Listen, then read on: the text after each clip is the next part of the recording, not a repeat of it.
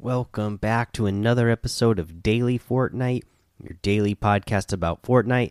I'm your host, Mikey, aka Mike Daddy, aka Magnificent Mikey. And wow, we are finally getting some new content. And as far as we know, it's going to be some big changes coming up because tomorrow February 5th, we are finally getting version 11.50. And like they said, this one is going to be a big one because they are moving to the new uh, physics engine, the the chaos physics engine. So this is going to be pretty insane to see what changes come. Uh, so it's here's the post. Hey everyone, version 11.50 launches tomorrow. Downtime for the patch begins at 4 a.m. Eastern. Stay tuned for updates when downtime ends. And I am assuming this is going to be a pretty big one. It's not season two yet. I know we're getting you know some changes uh, and items added in for season two. I don't know if they're doing that for this update or if this update is just going to be the fact that they are moving to the new uh, to the new engine.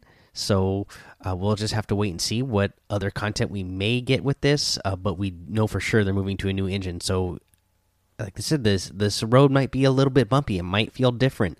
Uh, the Fortnite itself might feel different. I uh, the gameplay uh, sounds like you know because of this physics engine, maybe they're going to be changing things around a little bit. We'll we'll have to see. Very exciting to see what's going to happen. A little bit nervous at the same time, but excited to finally uh, be ramping up to the big changes.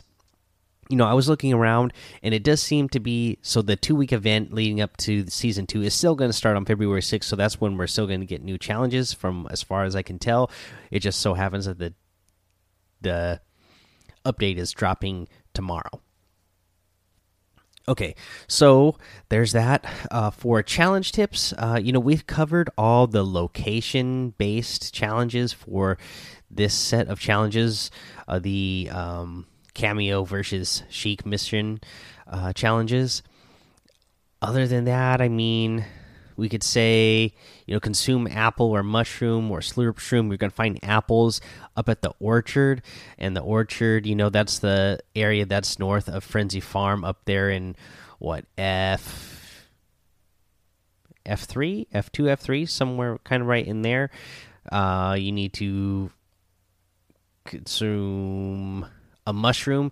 Uh, you're going to find mushrooms over in the weeping woods area. Um so weeping woods uh, in like C C five B five area. You're gonna find some, and then another one actually is pretty close uh, to Frenzy Farm as well. This ends up being in E three, and you'll see like a really small tight area of circle a circle of trees all right around there there's mushrooms in there. In fact, there's like 90 uh, shield worth of mushrooms in there because that's an area that I've actually dropped a lot because there's also three chests there.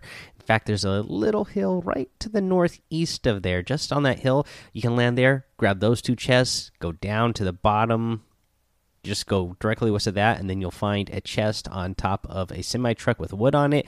And then you make your way down to that uh, area, the circle of trees. You'll find three chests in there and all those mushrooms, or you know you can land on the uh, the three chests with the mushrooms and the trees there, and then work your way up that hill.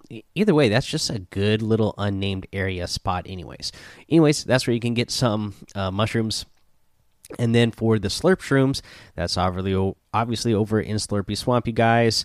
Uh, kind of, I usually get them a little bit south of Slurpy Swamp in uh, I guess at C7 and I I'll just land a little bit south outside of Slurpy Swamp and there's uh, a ton out there. All right, uh, there's that. Uh, what else? I mean, yeah, everything else is pretty straightforward. Um, so, yeah, I think we've covered everything for this set. So let's go ahead. We'll take a break here. We'll come back and we'll go over uh, the item shop. It's Kaley Cuoco for Priceline. Ready to go to your happy place for a happy price? Well, why didn't you say so? Just download the Priceline app right now and save up to 60% on hotels. So, whether it's Cousin Kevin's Kazoo concert in Kansas City, go Kevin, or Becky's Bachelorette Bash in Bermuda, you never have to miss a trip ever again. So, download the Priceline app today. Your savings are waiting. Go to your happy place for a happy price. Go to your happy price, Priceline. All right, and let's go over today's item shop. Once again, another really good one. So we don't have the NFL items in here, and the Frozen Legends pack is still gone. Is actually gone now. I mean, but we do have the Arctica outfit back in the item shop with the Modern Summit back bling. This is 1,200 V bucks. You know, I, I, really like this set. This is a, a good looking. I, I, just like that shiny uh, silver uh, snowsuit that you got for that. That lo that looks pretty good uh, the Snow Patroller outfit with the Cryo Chamber back bling for 1,200. We have the Pink Axe harvesting tool for 500. We have the Polar Patroller outfit back in here that comes with the Ice Fisher back bling uh, for 1,500. And this is, again, this is one I really like. It's, I mean, the guy's huge, right? I mean, he's a big polar bear.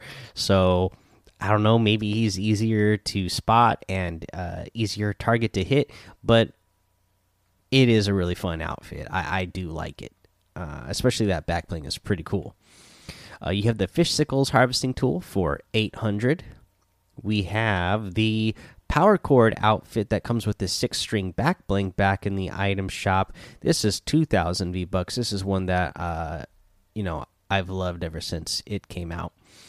You have the Anarchy Axe Harvesting Tool for 800, the Stage Dive Glider for 800.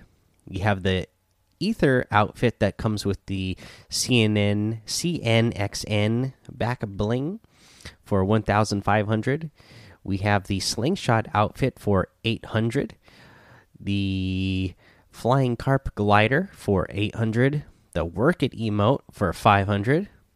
The Double Up emote for 500 another good one uh, especially if you have a friend to do this one with because it's one of the synced emotes where you hit uh, click your heels together.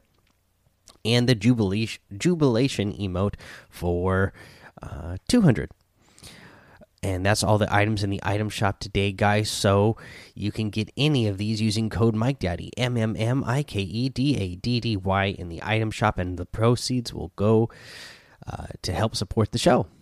Now, for the tip of the day, prepare yourselves. That's all I could say. I mean, uh, there hasn't been a whole lot of new content to give you tips on, but we're about to move to a whole new physics engine. They're about to give us new content. Uh, we know for sure that we're getting uh, new content in two weeks. Uh, again, just prepare yourselves. This could be, uh, you know, literally, literally game changing uh, going to a new engine uh, we are i'm excited to wake up in the morning and try this out uh, i do happen to have tomorrow off of course i got to take kids to school and everything but as soon as i'm done running all my errands and stuff i cannot wait to try Fortnite on this new physics engine. Uh, really excited about it, guys.